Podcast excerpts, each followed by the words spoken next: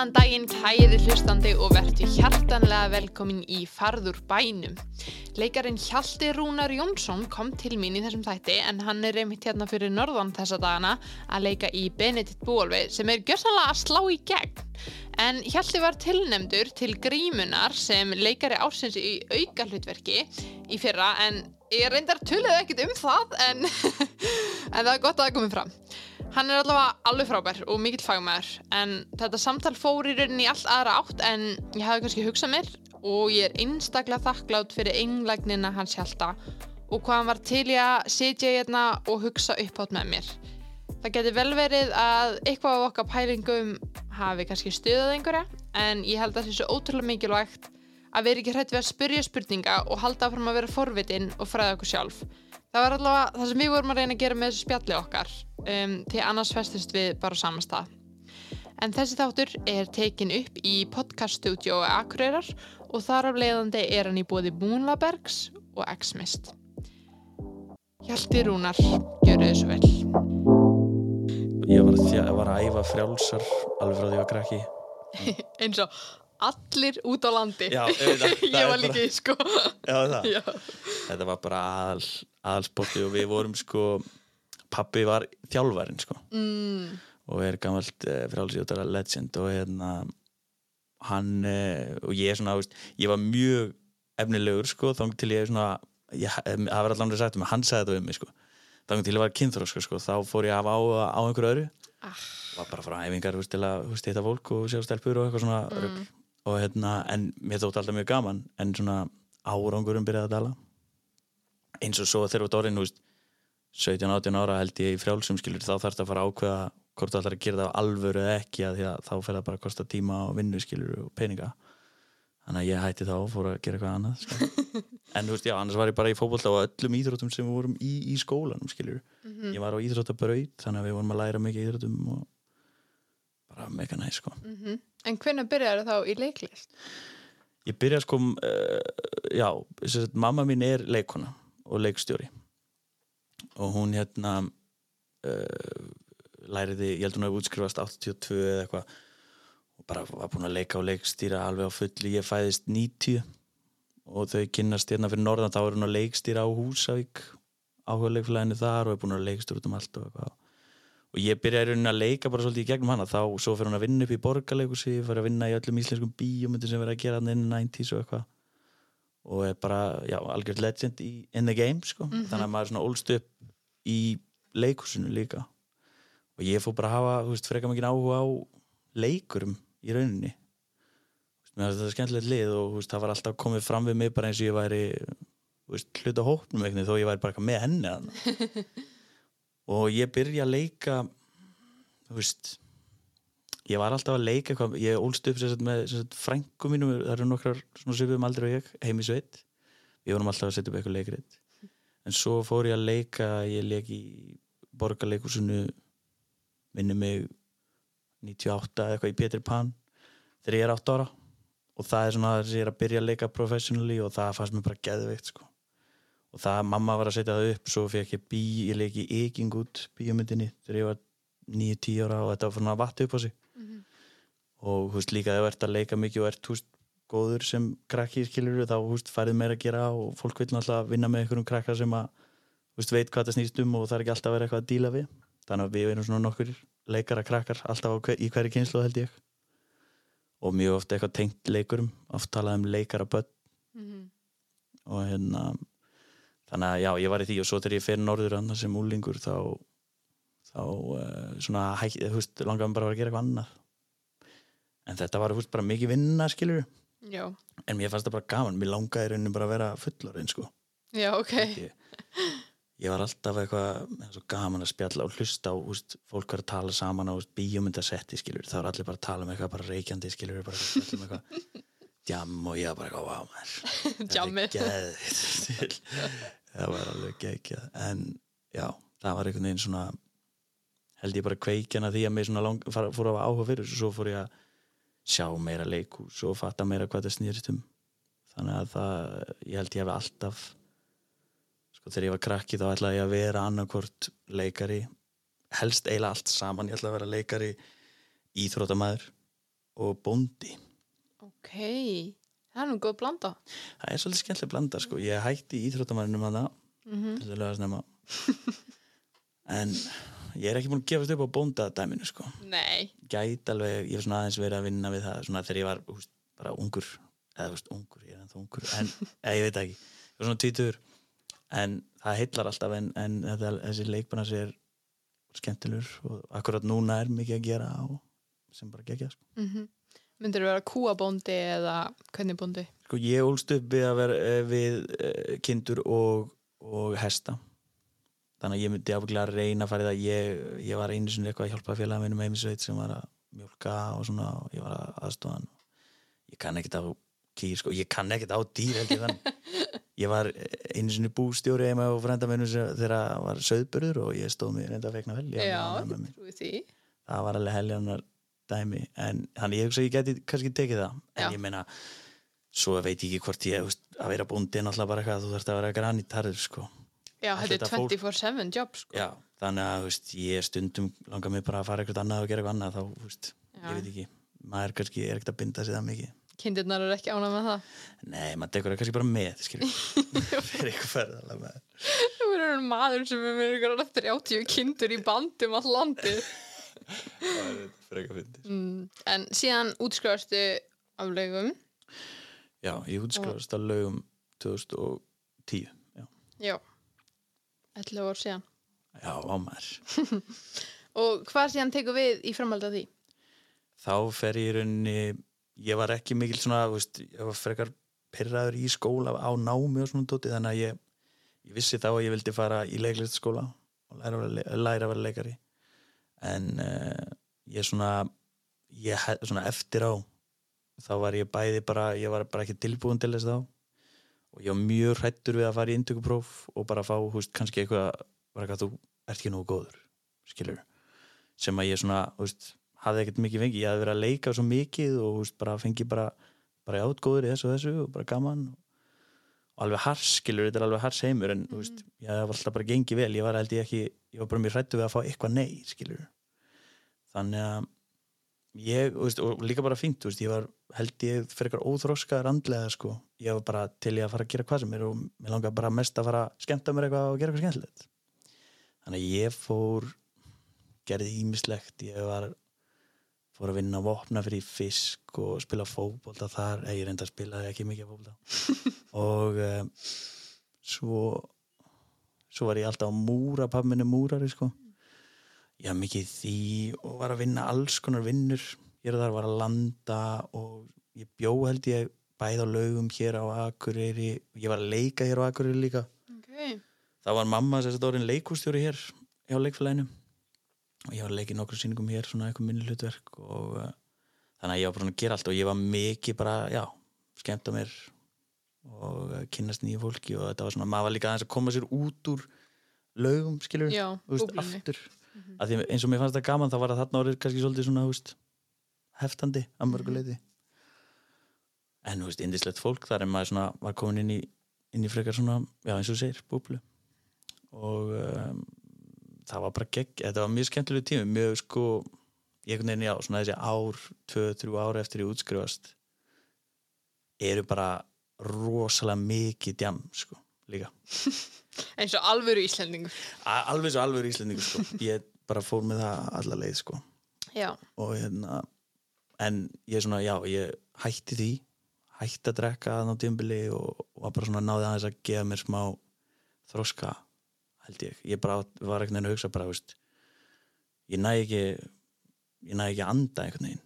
Ég var bara alltaf á djama og alltaf, og veist, það var ekkert eitthvað svona ég var ekkert í vondum aðstæðum þannig eða eitthvað svoleiðis, þetta var bara eitthvað svona það var bara ógeðslega gaman. Og svo var ég fann áttum á því að ég var kannski ég var kannski að fara einn í bæinn inn á Akureyri á miðugudegi 22 ára og var bara svona, já, ég ætla að fara á barinn og ég heiti eitthvað og svo bara heiti ég ekki neitt, skilju var bara einn á barnum, af því að það var engin annar skilju, Nei.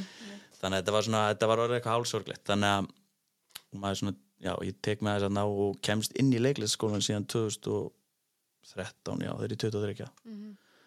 og þá hugsa ég bara, veist, ég get ekki verið að fara inn í leiklistaskóla og veit ekki veist, hvernig ég á að díla við bara áfengi skilur hvað þá allt annað í lífinu Mhm.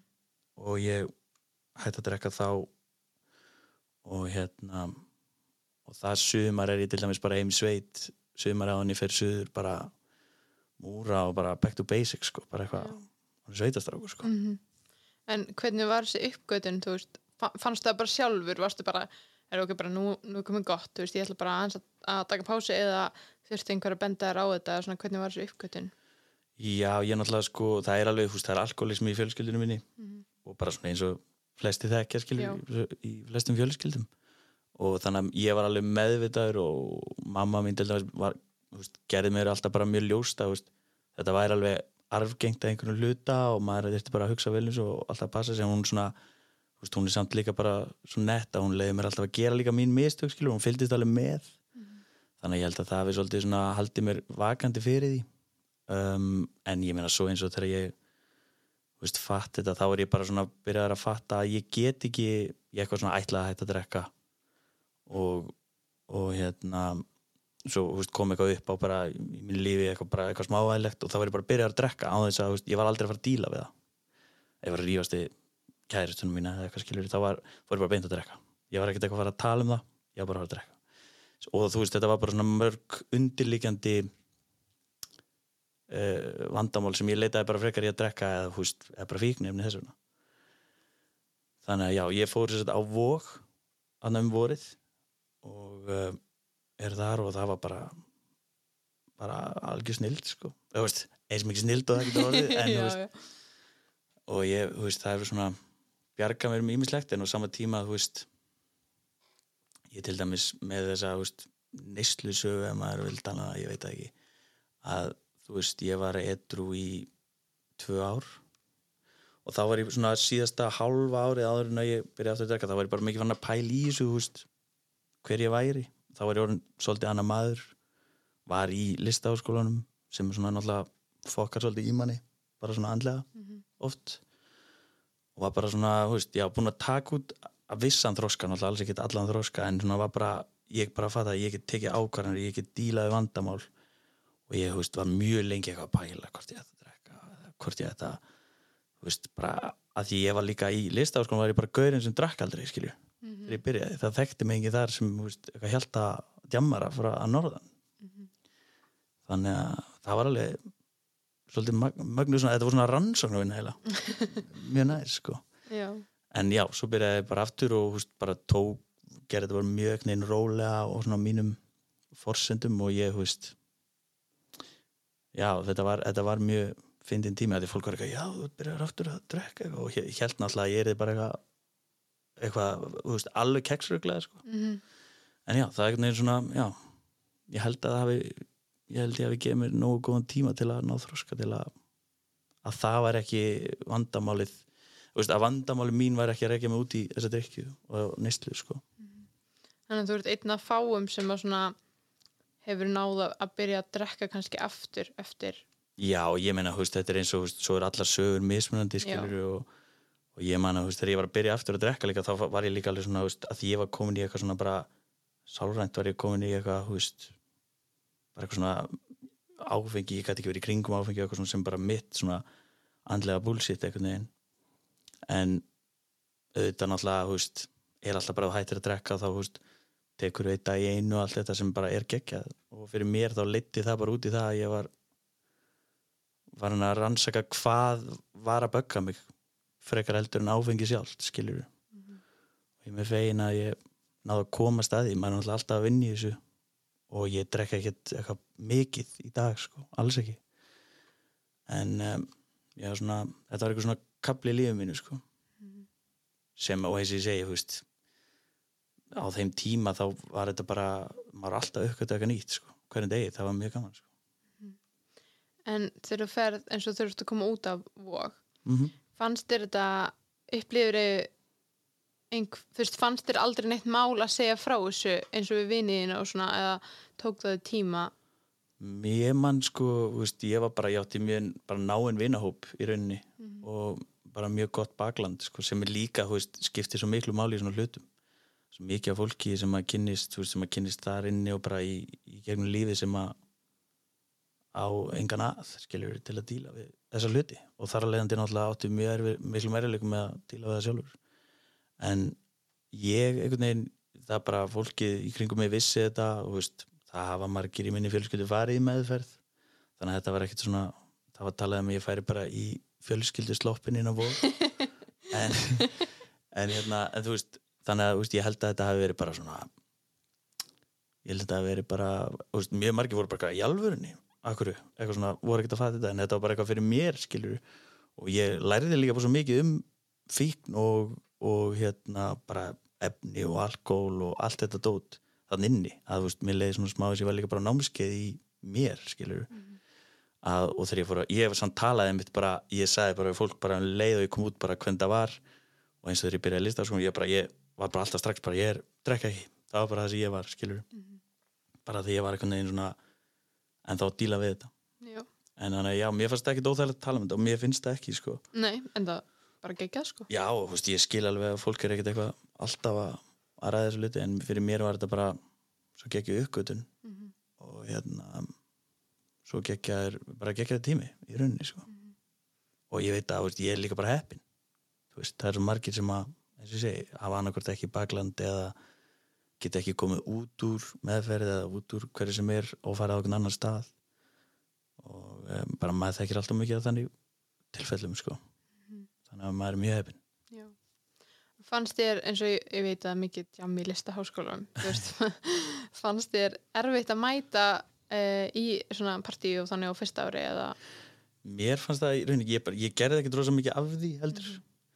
og svo svona það var líka alveg ástæðan fyrir að veist, ég fór í einhver partí, mér fannst það ekkert eitthvað sjúklega erfitt sko, alls ekki fyrst en ég fór ekkert í öll partí mm. og svo sem eftir ég byrjaði að drekka aftur, þá var ég í skólum þá fór ég heldur ekkert í öll partí þá fór ég bara, ég þurfti þess ekki mm. en uh, það var einhvern veginn svona mér fannst það ekkert mjög óþægilegt að vera kringum áfengi og þú veist það, alveg, það er alveg djamað í listaháskónu skiljur en að samanskapið, veist, ég held að vera miklu meira en það var þegar ég var að nynni sko. mm -hmm. En svo fer það eftir fólkinu sem er í skólunum þá og Já. það var mikið af fólki að hætta að drekka í skólunum og svona þegar ég var að ná Mm. og svona það var svona einhver einhver pæling í gangi með það, vera eitthvað En hvernig hérna hver var svona ákvörðunin að prófa að byrja að drekka aftur? ég veit það ekki það var bara einhver veist, það var búið að gerja svolítið í mér og ég var veist, mér langaði að prófa að gá hvort ég gæti veist, notið þess skilur eða nýtt þessa vímu í eitthvað veist, einhverja ekstra gleði skilur ef maður er að skemmta sér. Mm -hmm.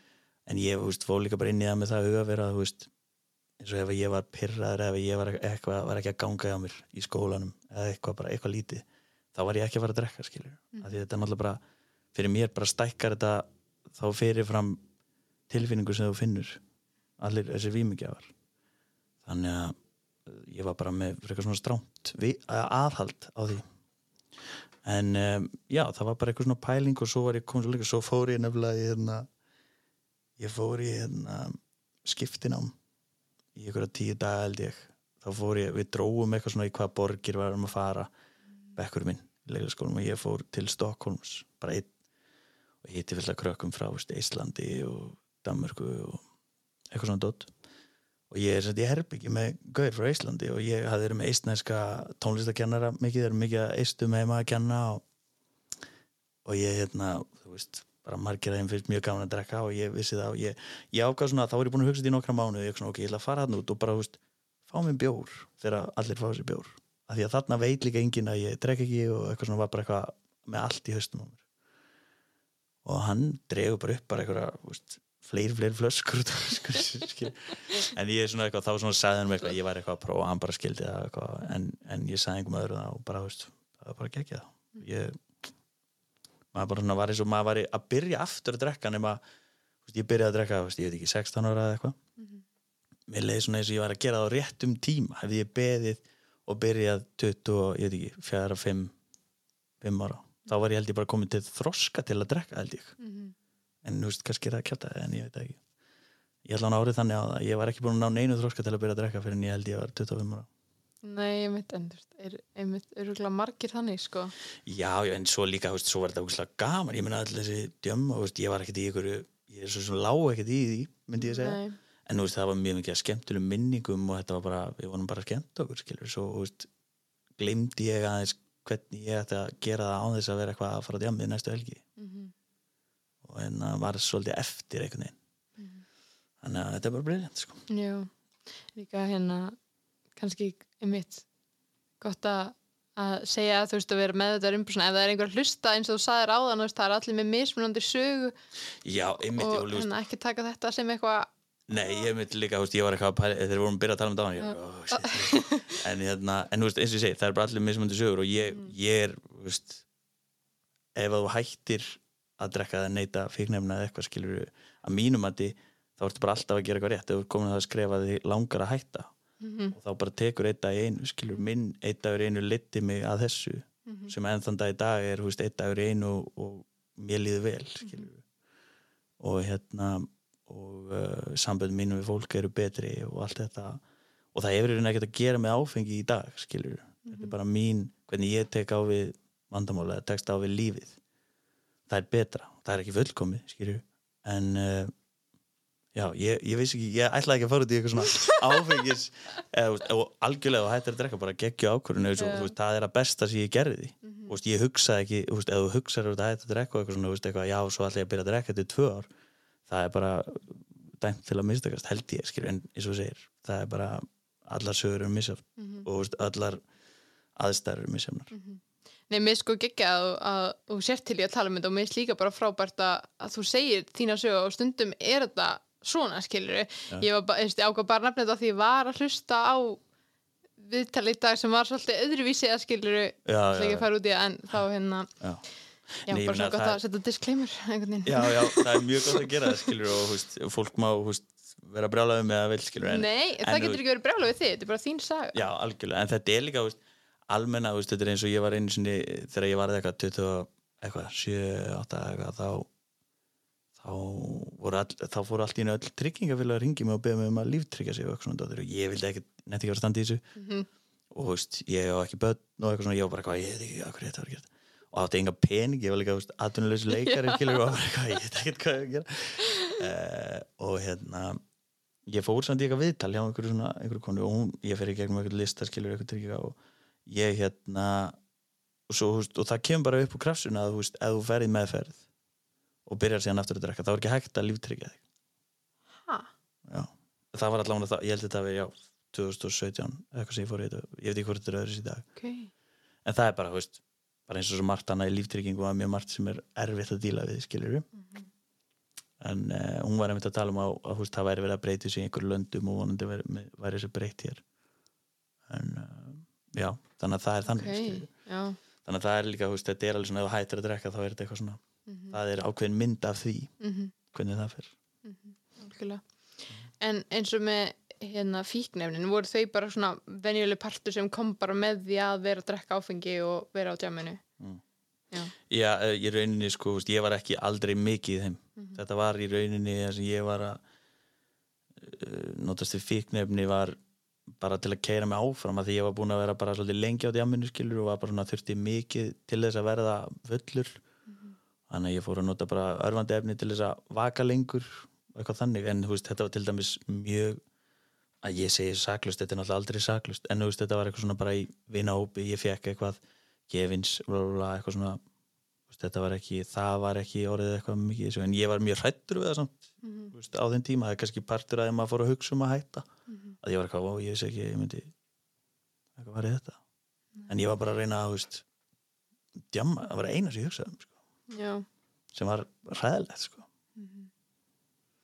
einmitt. En hérna, mér samt frábært að þú einmitt sért eins og ég sagði á hana til í að deila þinni sögu því að maður áheldur aldrei að gera lítið úr sinni sögu, þú veist, hún er bara eins og hún er sama að því að maður fyrir svo oft í svona, að þetta var samt ekkert eitthvað svakalegt, en Nei, síðan er þetta bara mann saga og hún er bara eins og hún er. algjörlega, ég menna, þú veist eins og ég segi, ég tala um hana þegar fólk spyrir um hana skilur, Mhm. og, og þú veist, ég er líka alveg, þú veist þú veist, mér veist öll svona ofsa mennska í öllu skilur, veist, e, þá er ég ekki að tala um ég hætti að drekka, heldur bara svona þú veist, þegar fólk er að einhvern veginn telja sína sögu betur en annara eða, eða þú veist, að hún eigi að vera leiðandi fyrir einhver aðra, þú veist, mér veist það bara erfitt stundum að hlusta það, Já. en, en hérna, þetta er bara einsa Mhm. og það er ábyggilega, það er engin einsa eins held ég sko. Nei, þannig að ég bara ég með ánægð með þetta veist, og allt sem hefur gerst komið fyrir mig eða ég hef lendið eða hvað sem það er það hefur bara gert með því sem ég er í dag sem er nokkuð sátum með sko. Algjörlega. Og síðan útskrifastu úr listaháskólanum. Og hvað tekur við þá? Ég útskrifast á listaháskólanum 2016 og þá tekur við bara ég var svo vissum þegar ég var að þegar ég fór inn í leiklisskólan þá var ég bara, eitthvað, já, nú er ég að fara hérna í þrjú ár og svo fer ég bara beint að leika það er bara eitthvað ég var bara þar og bara, eitthvað, já, já, og gerum það bara það verður gaman og hérna svo bara erum við að fara að útskrifast og ég bara, wow, það er enginn að tala um mig svo útskrifast ég og ég bý sem betur fyrir við það að eiga, þú veist, pappi minn hefur leikið töluvert líka en hann er, hann er hérna, mest verið í múrverkinu, hann hefur leikið mjög mikið. Og, og náttúrulega mömmu sem hefur verið í þessum bransa í mörg ár. Þannig að hún segir bara, þú veist að því ég vildi eldur ekkert eitthvað fara að böggast í henni, skilur mér fannst það eitthvað neður svona, ég vildi ekki vera eitthvað svona, ei mamma, það er ekkert ekki þannig að Mm. ég var eitthvað svona pyrraður eða var ekkert í. Gangi og hérna hún segir bara, ok, skrifa bara e-maila bara á alla. Skilur, skrifa, og ég er ekki mikið var ekki mikið, þú veist, er alls ekki mikið verið að hafa með eitthvað frammi, skilur og vera svona, eru ég á nú að vera að ég er svona ákveð, bara alla bara leikustjóra og ég fór bara og ég skrifa ábygglega, þú veist, ég veit ekki 80 e-maila eða eitthvað á bara fullt af e-mailum, ég bara, þú veist fólki sem er ábygglega löngu dáið skilur, ég var bara eitthvað, ég skrifaði bara á fullt af liðs, ég þekkti ekki neitt, bara CV að ég var að gera þetta, og þetta ég var olmur ég að fara að leika og eitthvað svona dóttir Mhm. og það kom ekkert.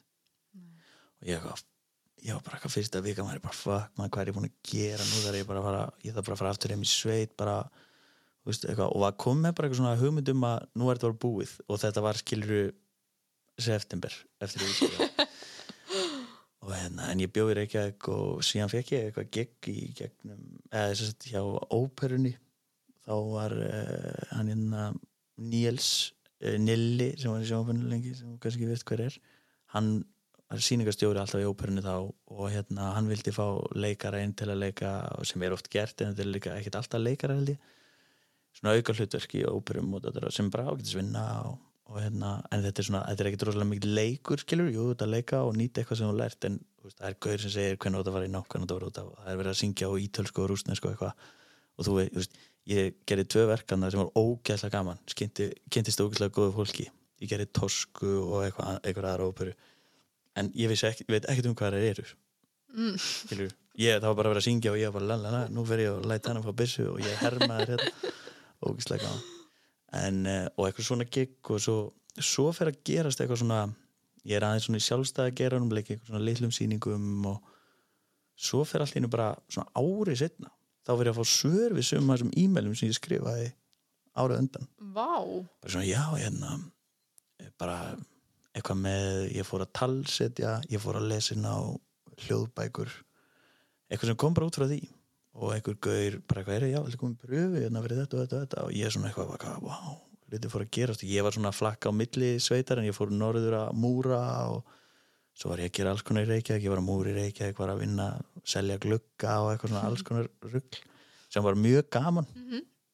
en þannig að já, þetta tók svolítið við svona einhverju svona, alltaf þetta er bara að tala um hark skiluru en þetta var mjög lærtumsrikt sko og er ennþá, ég er náttúrulega ennþá í því þannig að þessi sko að mörguleiti þó að þessi tölvöld meira að gera mér í dag og maður svona sér aðeins meira framundan akkurat núna Mhm.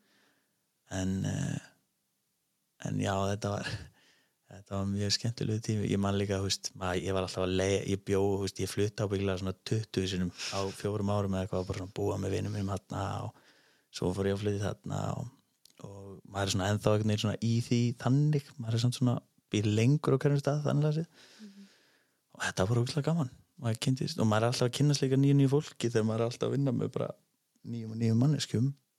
Og um, og fara í pröfur ínum fór maður að vera í fullt af pröfum og, svo hérna svo, já, svo fæ ég svo eru pröfur hérna fyrir kabarett hérna 2000, sem er 2018 hjá leikfélagi og ég fer í það og fæ það og það er svona fyrsta veist, fyrsta eitthvað svona hjá atun leikhúsi gig sem maður horfir kannski alltaf á en maður, svo þegar ég var að vinna þar sem var geggja þá fyrir ég að hugsa bara, veist, ég er samt búin að gera bara geggja hluti og, Mhm. Vinna prósýningar skilur þó að það hef ekki verið á þessu leveli. Þannig að þetta er, er alltaf verið að kenna mann eitthvað nýtt og nýtt sko. Reyna að meta það sem hann hefur líka. Algjörlega, ég, þú veist, maður fór sína að pæla, þú veist, já, hvernig, já, ég útskrifaðist 2016 og það er, það er í rauninni ekki fyrir en í svona fyrra, í svona í COVID sem að, þú veist, þannig að róaðist allt einhvern veginn. Og ég fluttið á norður og var búin að vera eitthvað aðeins í Reykjavík þá og, og fór að múra og var bara eitthvað í sveit, bara eitthvað ljúft, sko. Þá fekk maður líka, einmitt held ég aftur eitthvað svona andrými til að hugsa og þroskast og ég fór að hugsa um að ég var alltaf að láta það að ég væri ekki kannski að leika í tvo mánuði. Það hafði svo mikil áhrif á veist, ég andlega. Ég var bara eitthvað allt, ég var svo þungur skilur, ég var bara eitthvað fuck, það bara ekkert í gangi ég er ömulegur uh, það er allir búin að gleyma þessu sem ég gerði þarna eitthvað svona algjörst kjátaði og það er í rauninni ekki fyrir bara já, fjórum árum eftir útsæð sem ég var fyrst farin að reyna að vinna í því að, veist, að þetta hafi ekki áhrif á hvernig mér líður, skilur, það er kannski mikið að gera þennan mánuðin, minna að gera þarna. Mm. og þetta er bara veist, vinna að reyna einhvern veginn aðskilja eitthvað sem að maður var í rauninni áhuga málið mann, skilur og er orðið vinnamanns. Mm -hmm. það var mjög trikki og er bara að vinna, skilur sem maður er að vinna, en ég held að það sé svona stærsta leikara vesindi, sko, að því að svo er fullt að giggum og alls konar svo skemmtilegt og ég, það er ekkit sem að, ég, ég allan er þannig, veist, maður hefur prófað ýmislegt og margt sem maður kannski allar ekki að gera mikið af, aftur Mhm. en maður er alltaf að, að prófa eitthvað og þetta er bara skemmtilegt sko. Mhm. Ég heyrði líka um daginn það var einhver að segja eitthvað svona þú veist, hérna, þó að þú vinnir þarna í einhvern x tíma þú veist á veitingastað eitthvað það gerir þið ekkert að minni leikara fyrir því. Nei, nei, einmitt, einmitt. er eitthvað svona Það, það er algjörlega, algjörlega þannig og, og veist, ég var einmitt mjög oft með eitthvað svona að ég það bara, það var eitthvað svona endastuð að ég væri bara að fara og gera eitthvað annað og þá væri ég bara hættur eitthvað með skotta á milli lappan sem er náttúrulega sérstaklega Íslandi ábygglega allstar náttúrulega. Jú, jú, auðvitað allstar. En veist, þá er einhvern veginn svona það er alveg mikið að leikurum á Íslandi finnst mér, skilur og, og tækifærin er ekki mörg en svo náttúrulega líka eitthvað sem maður lærið mikið um í skólan og maður fór að gera svona fyrstu árin eftir maður skrifast er að skapa sér sína eigin vinnu. Veist, við, ég gerði með frængu minni sem maður lærið út í, út í London. Við gerðum sýningu sem við gerðum og túruðum heim í, Þingæðsíslan heima. Já. og eitthvað svona og fengum maður að segja styrki yfirleitt og svona eitthvað og sem betur fyrir er góð styrkja menning að mestu leiti mjög, mjög. Þannig að þá fær maður sjens á líka bara, veist, bara til að gera eitthvað sín eitthvað líka bara til að þroska sig. Að því maður, að mér finnst allan maður þroskast mest þú getur lært eitthvað í skólanum. Ég lærði fullt af hlutum í skólanum, skilur en síðan ég, hef ég lært svo þúsund meira eftir ég kom út. Mhm. en skólinn er veist, að gefa þér tækifæra að læra fullt af hlutum og gera eitthvað mistök og kynnast fólki. En svo bara eftir maður kemur út þá þarf maður að standa eitthvað neitt með þessu og það er bara geggjað. Og vonandi heldur það bara áfram skilurðu. Maður meldir hlutina þegar maður er búin í skólanum þá svona held ég líka syngast mikið af hlutum inn þegar maður er ekki í konstant áreitinu að sé alltaf verið að kenna manni. Já, þá svona já, nær maður einhvern veginn svona já, þetta var það sem maður var að tala um eða eitthvað svona. Já, einmitt, maður fær svona það er alveg einmitt, eitthvað, veist, náttúrulega skólin veist, maður fær kannski ekki mikið andrimi til þess að melta.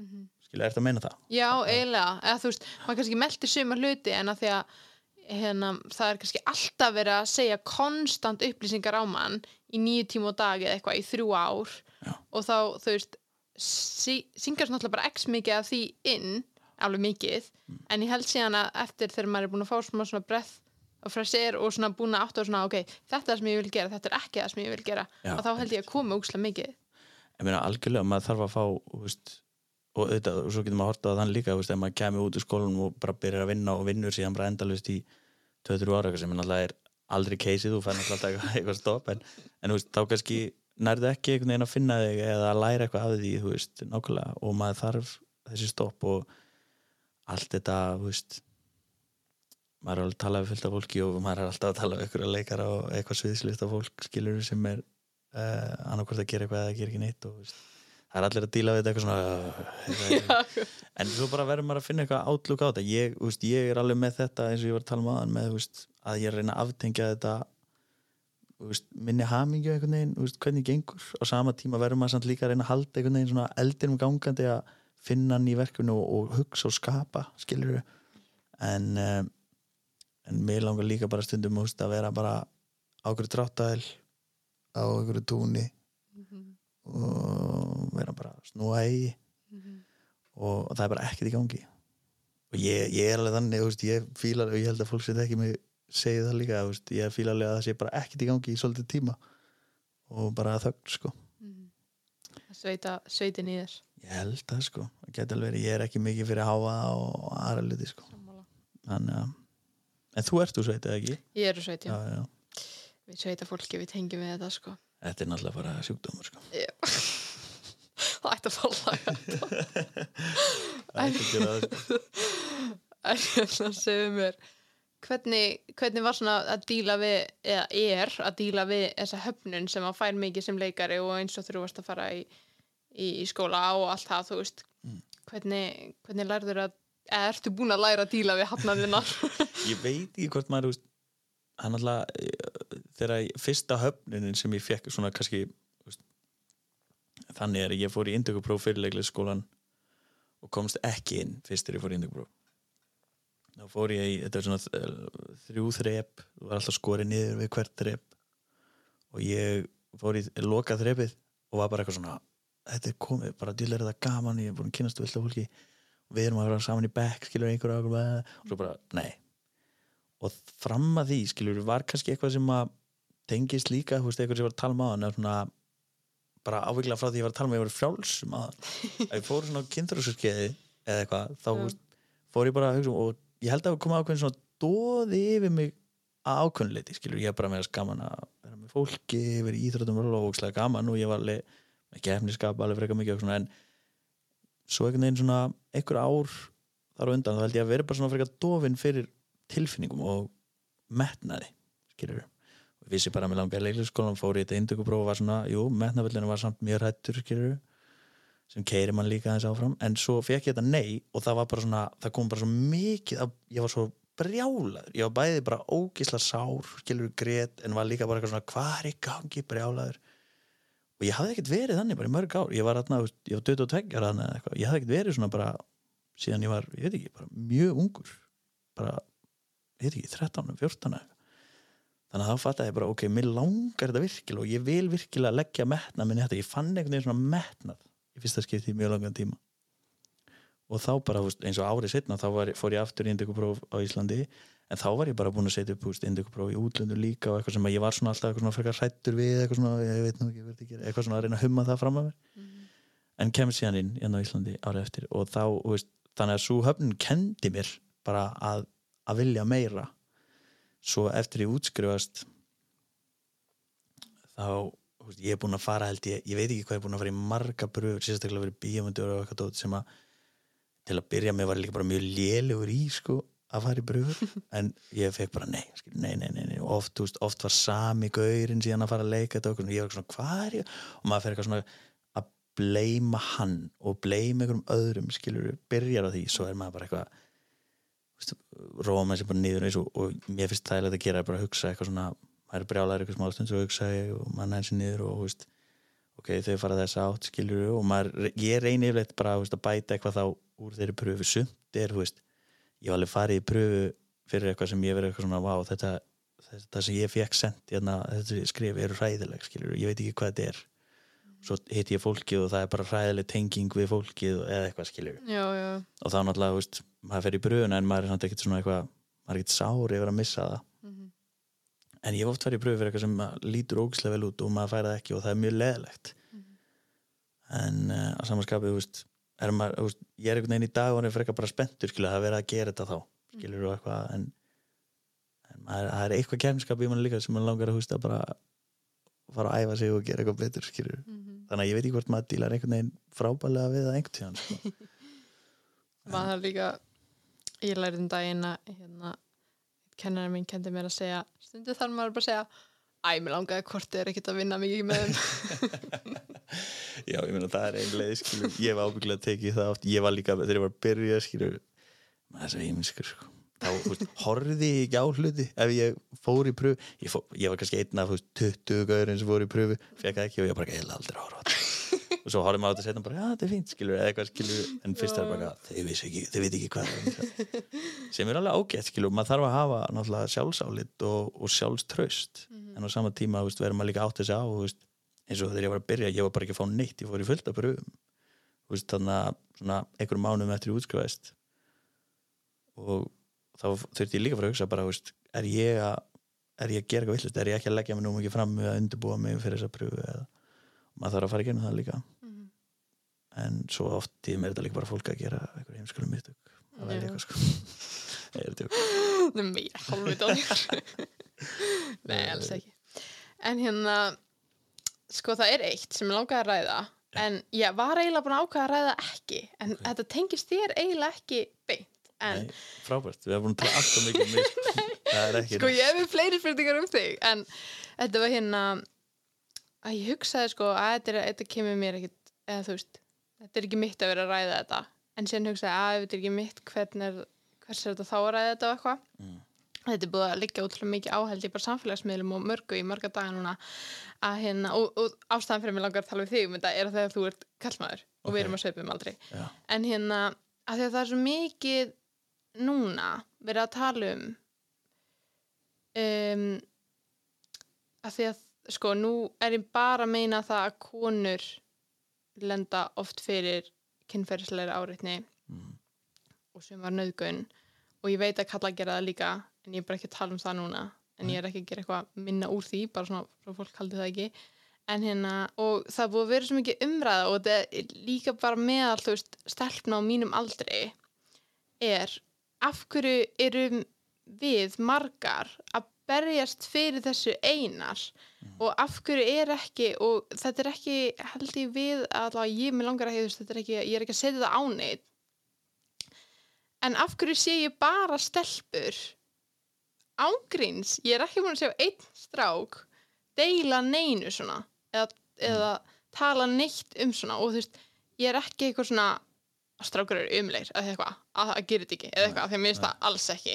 Og ég er bara svo forvit að því ég átti líka mjög góður umræði við strák um þetta um daginn. Já. og þannig að ég held að það sé bara svo mikilvægt að að við tölum um þetta skilur og þú veist, af hverju er ekki strákar alveg eins að deila þessum myndum eða póstum eða eitthvað því að þú veist, núna er þetta einhvern veginn bara okkar leið til að díla við hlutir samfélagsmiðlar og, og, og, og deila hlutum og eitthvað. Og ég er bara svo forvitin að vita ég veit að þú ert ekkert með svörum fyrir alla stráka en Nei, ég er bara, þú veist, af hverju er ekki veist, af hverju er ekki umræðan svo mikið á lofti hjá strákum, þú veist, af hverju er þeir ekki að tala um þetta það er náttúrulega eitthvað fyrir, það er náttúrulega kemur þú veist, ábygglega af, ég veit ekki að, að einhver leit útræði við náttúrulega tölum ekki droslega mikið skilur. Já, einmitt, en, hérna, en ég held að það sé bara í grunn hræðisla sko Mhm. og eitthvað svona þú veist um, eins og svona að því ég ekki tala bara frá minni reynslu eins og þegar ég veit ekki, bara fríða nippul kemur og, og maður fer eitthvað svona hugsa og maður fer eitthvað svona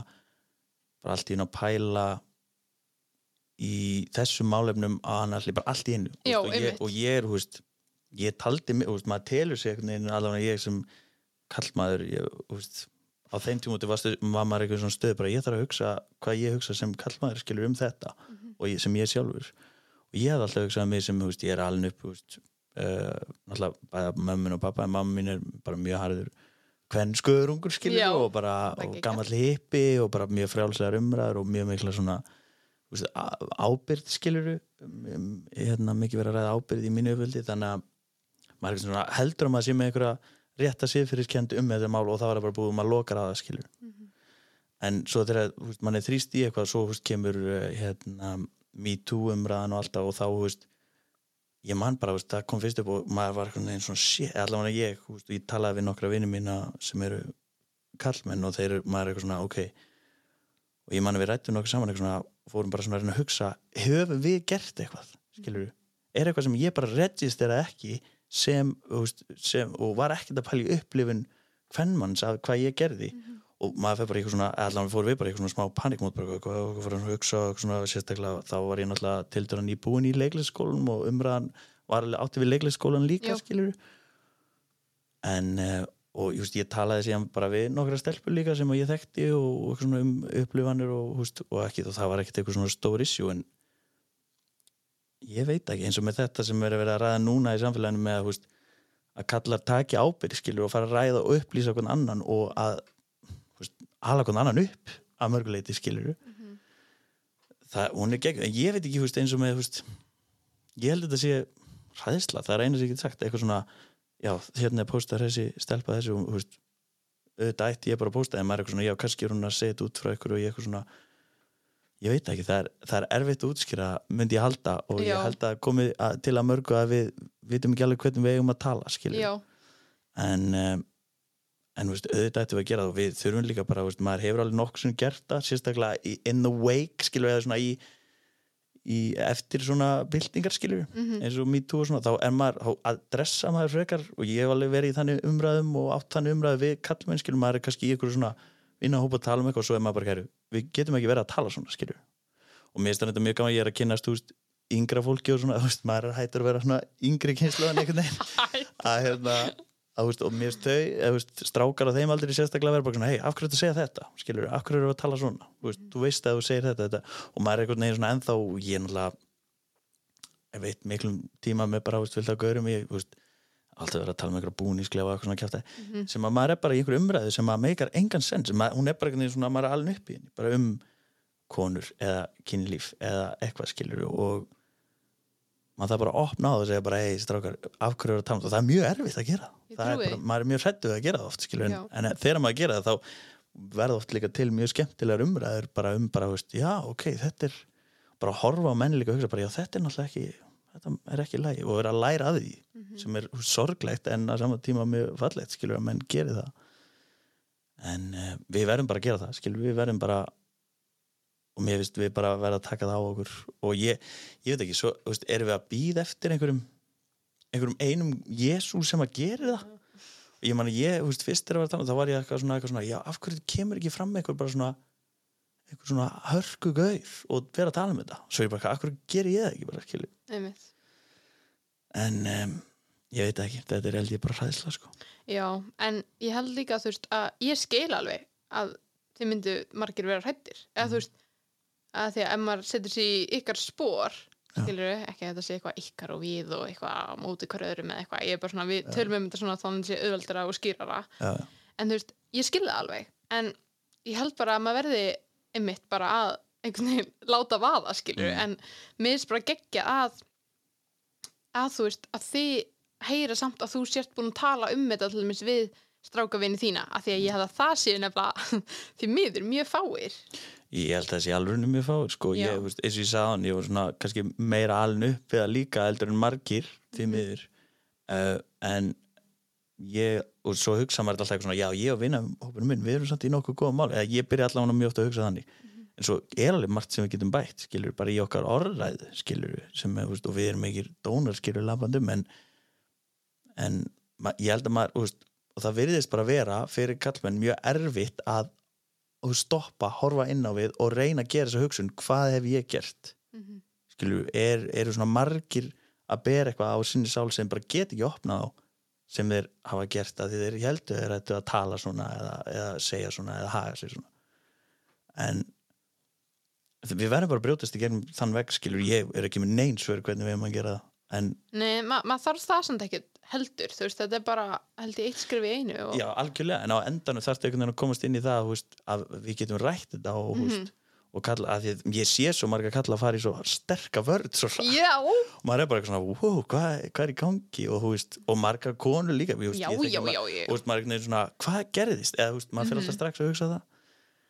En um, já, þetta er svo þetta er svo stórt dæmi sko Já, þetta er náttúrulega mjög stórt sko en máli er samt held ég líka að veist, við getum ekki þetta er ekki quick fix skilur við, ég held að þetta sé þessar bara litlu samræður sem að við erum eiga núna og sem, sem ég mun eiga við einhvern stráka morgun eða þú einhvern stráka morgun eða stelpu eða whatever skilur við, Já. sem eru að fara að laga þetta svona smátt og smátt og líka því að þú veist ég held að strákum ég er að gíska núna mm. en mér finnst eins og strákar finnist svo oft, bara þeim sem ég hef talað við eins og við séum að gera einhver árás á þá skilur já. eins og, og, og þeir vil ekki vera þú veist, að því þeir tengja ekkert við skilur ok, það sagði einn sem ég var að tala um daginn hann sagði, hérna, mér er svo þægilegt að í einhverju byltingu þá var notað orðið dónakallar yfir þessa kallar sem voru að gera þetta. Og þá fannst þessum strák hann geta einhvern veginn íttur sem er áfram að því hann tengdi ekki við að vera einhver dónakatt hann tengdi við að vera í góða liðinu eða þannig, sem ég skilur auðvitað ókslega vel, en vandamál með það fannst mér að þú veist það, það tengir svo fáið við að vera dónakall ekki nefnum að hafi gert eitthvað svakalegt skilur, þannig að Já, þetta er einmitt. svona En það er líka eins og ég var að, ég sá eitthvað um þetta, eitthvað, það var eitthvað að tala um hérna, ég veit veist, þetta er eitthvað tölfræði, ég bara, þetta rann og ég man aldrei neitt, en það var eitthvað svona, uh, af hverju kannast enginn við, ég myndi þess að segja, að vera dónagall eða að eitthvað svona reynslusu, eða veist, að hafa gert eitthvað, ef að veist, 97% hvenna eru með sögu, já, sem er alltaf ridiculous, skilur, Mhm. þannig að, og líka bara, veist, til þess að, að því, það er ábyggilega fullt af dæmum og eitthvað sem er bara eitthvað svona sem þarf bara að tala um til þess að koma að staði hverjir, hverjir við erum, skilur, hvað við erum að gera Mhm. þannig að en ég held að, þú veist við þurfum bara í alveg, þetta er líka bara stórt að þú veist, við tökum lítið skref í einu, skilur, þá þurfum við samt að taka stórt skref og bara horfast Já. í augu við eitthvað sem kallmenn Mhm. og það eru ekkert allir tilbúin að gera það og bara af pjúra hræðslu sko. Og uh, það er erfitt að vinna á því en ég bara ég vonaði innilega skilur já, og, og flestir skilur auðvitað en, en við þurfum, það þurfa allir að þú eins og er alltaf verið að tala um, ég er ekki að bæta neinu við en þú veist, það þurfa bara allir þú veist, þegar þú sér þetta í símanum þá er þetta að hugsa skilur ok, ég ætla að stoppa aðeins og hugsa hvað, hvernig þetta tengist mér. Ekki bara já, við þurfum að vinna í þessu og skróla áfram. En þú veist, ég veit ekki. Nei, ég sá eitthvað um daginn þá svona, ég, hérna, eitthvað, ég held að ekki að ég var ekki að segja þetta en það stóð, ég held að ástæðan fyrir að svona margir strákar séu þú veist, silent right now Mm. er að að þeir eru að átta sig á um, allir kynferðis árætninni sem að þeir hafa uh, gert við stelpur ef maður má segja þetta svona. Veist, ástæðan fyrir að margir séu þannig núna skilur auðvitað ekki allir og auðvitað þú veist sem betur fer ekki það margir á Íslandi eða eitthvað, ég veit ekki skilur en þú veist ég, og auðvitað er það gott ef að þeir eru að að reflekta á sjálfan sig. Já, en þú veist, ef við tölum um bara minni dæmi, bara þú veist raskella eða eða kalla eitthvað óþægilegt eða eitthvað skilur já. þú veist, ef ég tala bara fyrir sjálf mig ef ég, ef það, þú veist ef ég myndi fara að fá afsökunarbeðinni frá einhverjum stráki sem hefði gert þetta við mig sem eru miljón, skiluru á djáminu eða eitthvað um, og, og þú veist, ef þetta væri bara sincere og ég er bara að tala um þessi litlu dæmi og ég er bara að tala um, þú veist, eitthvað svona pongu, pongu ég er ekki að tala um stóru af því ég bara sem betur fyrir hefur aldrei lent í neinu þannig. En hérna, en viðmingóð marga vinkona mínar hafa og ég er bara, þú veist, ef að þú veist þetta er svo lítið skref en ef einhver um því kom bara, sorry, þetta var umlegt af mér og ég gerði þetta og ég sé núna hvað ég er asnalegt, þú veist, ég væri bara ok, geggjað, þú veist, ekkert mál. Og svo getur hann bara djöna baráttuna að breyta þessu öllu. Það skilur ég það, það er skrefið að einmitt eins og við talum að, að stoppa og fara að hugsa þessar hugsanir mm og tala og spyrja skilur og mér, eða, þú veist, þetta lítur við mér eins og þú veist, að konur yfir sé bara mjög tilbúnar að taka það samtal skilur já, mér algjörlega. finnst að samtali vera mjög opið og boltinn vera mjög mikið okkar megin skilur Mhm. þannig ég held að það sé bara staðan í dag. Jæja, ég veit ekki. Að einhverju léttara er kannski. ég, er ég bara búin að vera eitthvað Þetta er mér að kenna sko, ég kom með þetta. og að tala um að hætta að drekka sig kjæfta og eitthvað bara í öllu bókastin Nei.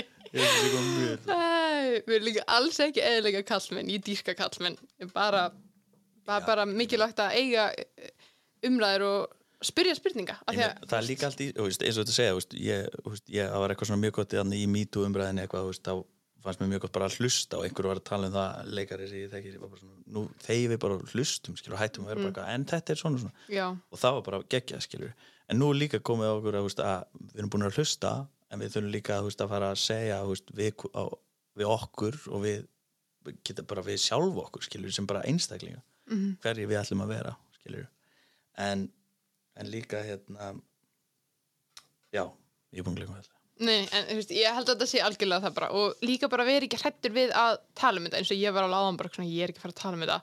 Af því að maður er svo já, hrættur um að segja eitthvað já, vittlust já.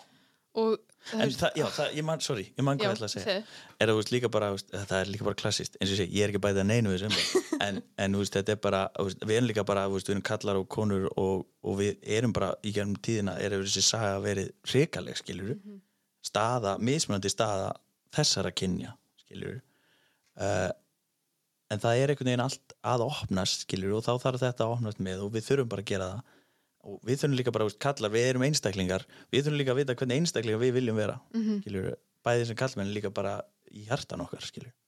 og það, og auðvitað er svo að tala með að margir eru hrætti við að horfa inn á hvað hef ég gert og eru farnir að sjá bara, ó, ég hef sagt þetta, ég hef kallað þetta og, bla, bla, bla. og veist, það hljóma kannski inn í haustum að sem er eitthvað mjög fyndið skilur, þú veist, back in the day þá til að að fara að tala um þetta núna en þá skulum við bara, ég held að við séum meiri einstaklingar og meiri menn ef við förum að tala um það og tala við viðkomandi aðila eða, eða beðast afsökunar ef, ef að það veist, ef að það var við skilur. Mhm, og, bara, og fara að breyta sinni hefðun mhm, algjörlega. Self-reflection. Ó, ég þarf að fara að tala betri íslensku. Ég, ég er hann tensa þessu ég er bara þessi að tala við allan heiminn sko, með hennar mikrofón ég er bara "Segðu fimm eitthvað." sem er að hlusta uh, nei, já, ég er samt sammála. Maður verður eitthvað svo svona þegar maður byrjar að tala um þetta þá líka fattar maður meira hvað þetta er. Uh, já, ég fyrir líka að hugsa bara, ég er ekkert búin að gera upp heldur allt. Og ég veit ekki hvað ég á að segja ég, er ég, að fara, ég vil ekki tala um, um eitthvað sem ég er ekki búin að hugsa um en þú veist, maður er allavega að, að hugsa um þetta um leið og maður er að tala um þetta já, já, já.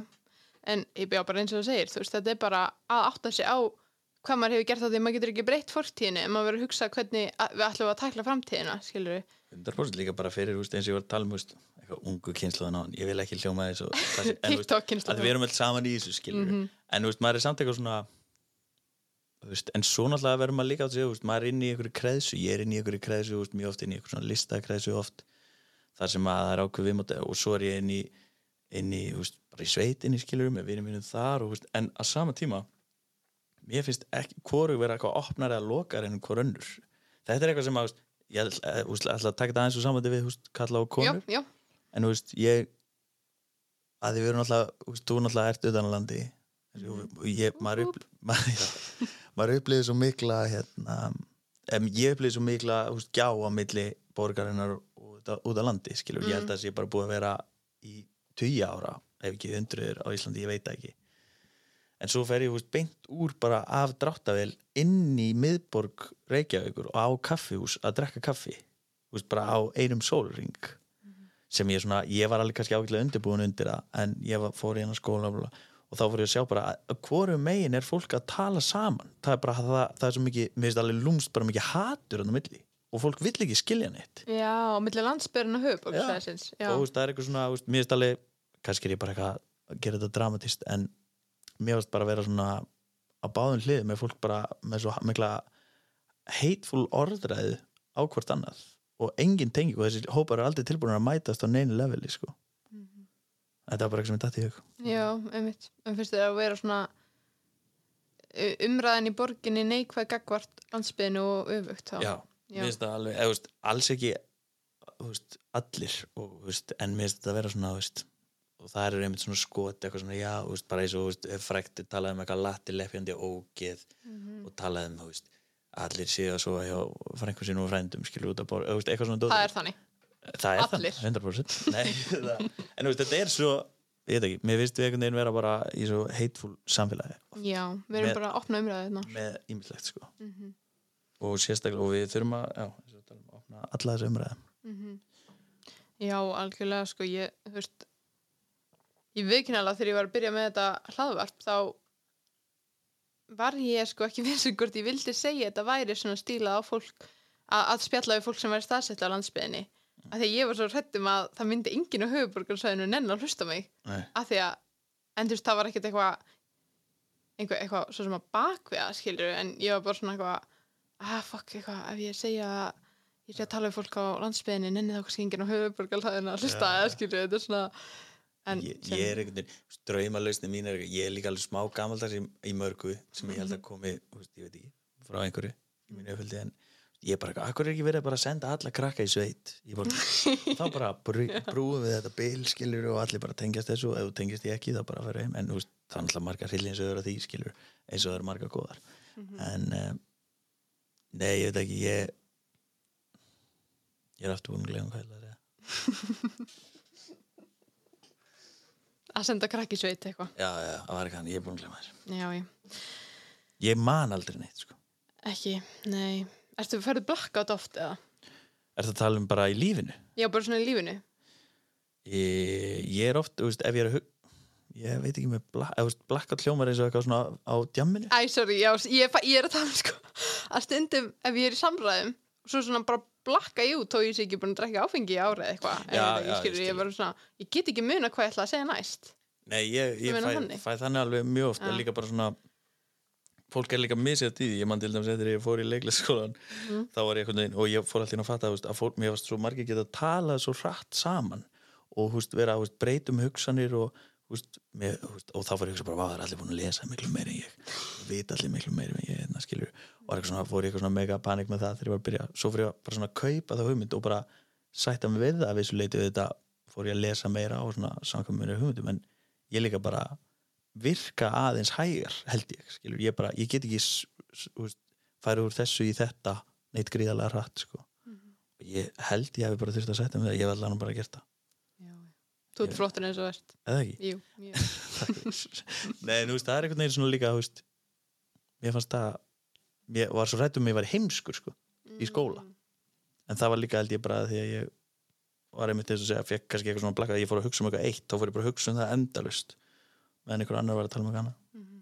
En meina það er líka sem er búið að vera mikið umræðinu sem að margir strákar og visslástelpur líka samt hafa þurft að glíma við er að bara eins og skólankerfi hendiði mikið alveg og, og, og kannski sérstaklega strákar líður bara eins og þessi einmitt bara því að þeir er ekki að fungera alveg. ég veit ekki hvernig sko, skólakerfið er náttúrulega alveg þetta er að vera- er að eitthvað svona brjálæður hvertina Ég ætla að íta á stopp núna. Þeir eru að hætti þessu. Skólakerfið, þegar ég var í framhalskóla eða í lokurunskóla eitthvað, þá var, sumir eitthvað lið sem sagði við mig, veist, að ég nefndi ekki að vera í skólanum og veist, ég gat alveg öðlega lært skilu og skila verkanum, ég fannst það bara leðilegt en ég gerði það ekki og ég var yfirleitt að reyna að vera fyndin eða var með eitthvað svona eitthvað, eitthvað sjó. En uh, ég það var alveg fólk sem sagði við að ég var líka mjög mikið svona að diskutera við kennara, skilur og ég og vinnum minn gerði það mjög mikið bara að fara, reyna að fara á svona intellectual level að segja að við þyrftum ekki að læra sem var aldrei, við vorum aldrei að fara að vinna það.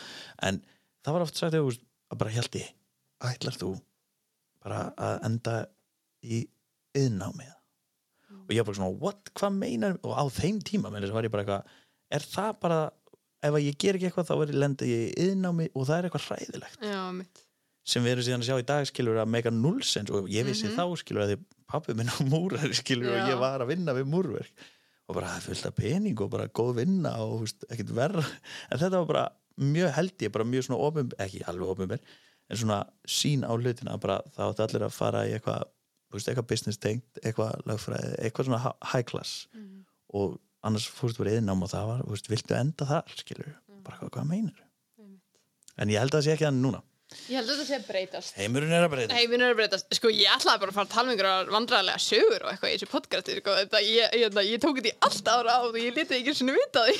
Mér líður þessi að tala um bullshit og mér líður þessi að allir sé að vera að brjálæður. Nei, ég held ekki. Ég held að, hérna, ég held að maður megi ekki, að það má alveg taka umræður samt, en það má ekki vera brjálæði fyrir að spyrja spurninga og reyna að fræðast. Nei, maður það náttúrulega, þú veist, bara já, vera bara góður. Maður það bara að vera góður. Það er lausnin, krakkar! Ég veit ekki. En Nei, ég er ekki með neina lausnir, það er þannig. en það er líka bara allt í góðu.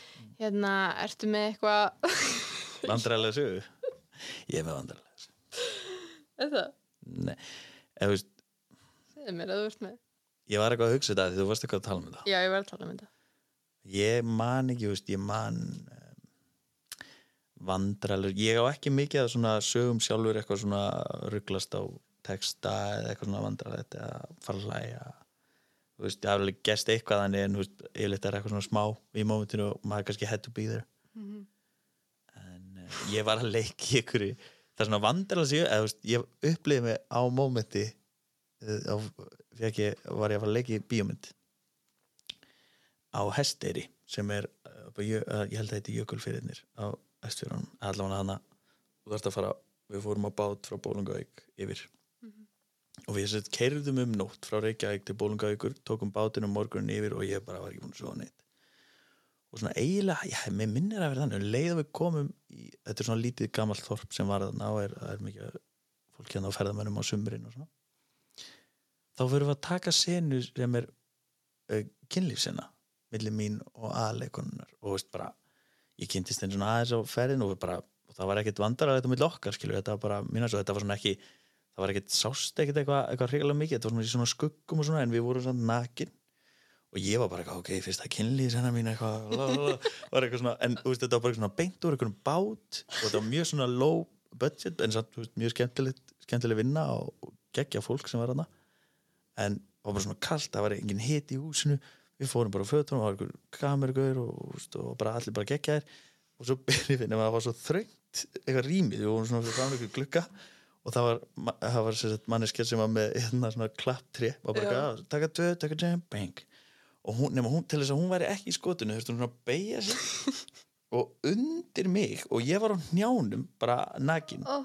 og veist, hún var basically bara að horfa upp í raskat bara alla sinn.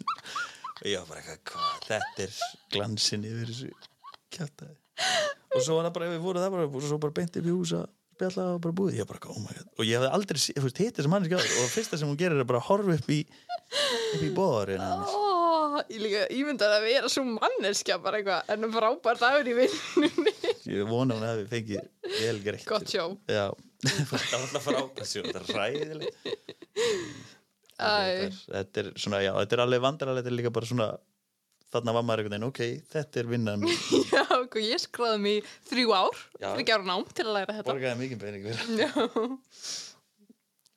Nei, en hérna, mér finnst eitthvað Jú, jú, hérna Eftir þessar umræður í þessum þætti er ég eitthvað svona En ég samt að spyrja Eftir mig eitthvað pepp fyrir hlustandur á lokum?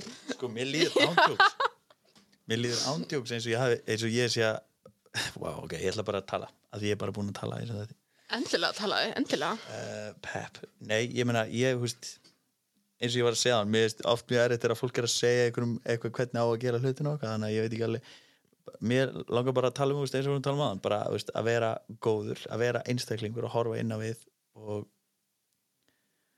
veist, þetta er bara misjætt fyrir alla og miserfitt fyrir alla og sumir hafa engan tími og sumir bara þekkið þetta ekki og hafa ekki lært en veist, að reyna. Og ég, ég var mjög lengi og ég er ennþá að reyna að gera þetta eitthvað svona stoppa reglulega og hugsa horfa inn á við hvað er ég að gera núna, líður mig vel í því sem ég er að gera núna? Og veist, líður mig vel í þessu sambandi líður mig vel í þessu og það er svo margt sem maður getur unnið í skiluru en reyna einhvern veginn að veist, velja eitthvað eitt og fókusa það í einhver tíma en þetta er bara eitthvað svona general skilur Mm, Já, en nei, pe- bara gott. En þú veist, svo líka bara, veist, ég með langaði að tala um veist, eitt sem ég langaði að tala um. Endilega. Uh, þegar ég var í leiklisskólan og það hefur að gera með veist, fólk, þessi ungt fólk skilur sem langar að vera leikarar eða leikstjórar eða dansarar eða whatever it is bara listamenn. Ég þekki þetta kannski mest svona af sviðslistum og að ég var í þeirri deldi í skólanum hér til það er náttúrulega skólar út um allt. Uh, að ég, ég var svona svolítið pyrraður við því hvað skólinn markasetti þessi lítið út á landi. Og við aftur í það, það sem tala um. Og ég fór að tala um að ég þekki alveg fullt af fólki sem hefur fullt af æfileikum og eitthvað svona en það kannski er ekki á þessu mið, að því að skólinn allavega þegar ég var í hann var svolítið svona bara inn á svona miðborgar línu, veist, það var bara eitthvað svona þú átti bara að þekkja fullt af orð, orða, eða veist, einhverjum hugtökum um eitthvað skilur bara eitthvað portfóljó skilur, maður veginn þú veist, það- ég þekki fullt af fólki sem hefur helling að gera í sviðslistum en veit ekkert hvað það er kannski. Þú veist, og ég, veist, maður, ég, veist einhvern veginn bara það peppið mitt fer á fólk út af allstaðar en sérstaklega út af landi sem að vill fara þessa leið, vill skoða svona námar er bara að ekki láta neitt hræða þig neitt að þessu dóti, skilur, þetta er ekkert þetta er ekkert stóri hlutir veist, þetta er bara námið, það er allir á sama stað í náminu, þetta er allstaðar veist, já þetta er allstaðar sama rugglið fyrir fólki skilur, Já, já. listnám, en þú veist veist, ekki láta, ef þú þekkir ekki neitt eða eitthvað svona, heyrðu þá bara í einhverjum eða ringdi mig, skilur ef þið langar að fara í pröfu fyrir listafaskólan tala, mér finnst það bara gaman Mhm. og hérna bara alls ekki að að það er svo gott að láta reyna á það, skilur svo kannski fyrir að gera eitthvað annað eða þú kemst inn og fyrir að gera eitthvað, whatever en bara, mér finnst alltaf leðilegt að hitta fólk sem prófaði það aldrei að því að það bjó einhver staðar og við þekkti ekki neitt og vissi ekki hvernig átt að gera það. algjörlega klálega að prófa og líka bara ég segi alltaf að allt svona veist, ég er náttúrulega bara reynslu á dansnámi en ég get ímyndað mér sinns með leiklista þú veist, þú græðir svo ógeðslega mikið á þessu námi og bara prófa sama þó að þú ættir síðan bara að fara að vera veist, fara aftur síðan í eitthvað viðskiptafræðin á eða eitthvað, þú ert að fá svo ógeðslega mikið af tækjum og tólum bara inn í lífið einhvern veginn Einmitt. með þessu námi finnst mér Já, bara gekkja, þetta nýtist þér í allt sko. Já. og hérna já, Þið er að það, þið bara ringi í hjáltaði ef ykkur langar í leiklist Símin er Eða. Já, eða í mig, þið megið ringi mig Nei, þú veist, bara, já, ég veit ekki, mér finnst allavega svona, mér finnst ofta hafa hitt fólk sem að og kannski hefur það ekkert að gera í þetta skil, ég er líka alveg þannig, mér finnst fullt af fólki vera að reyna við þetta eða vera að vinna við þetta sem hefur ekkert í það að gera, en það er bara þannig en mér finnst allavega eða langar og fær tilfinninguna og, og það eina sem stoppar er bara að þú þekkir engan eða veist ekki hvert þú ert að fara eða hvernig tala við. Ekki láta það stoppa þig, það er svo asnalegt. Algjörlega.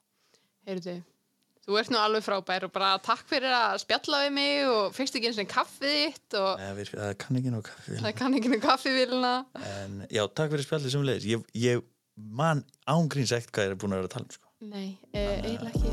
vonandi bara Við bara vonum það besta Christ. ítum bara send. Já, ítum að senda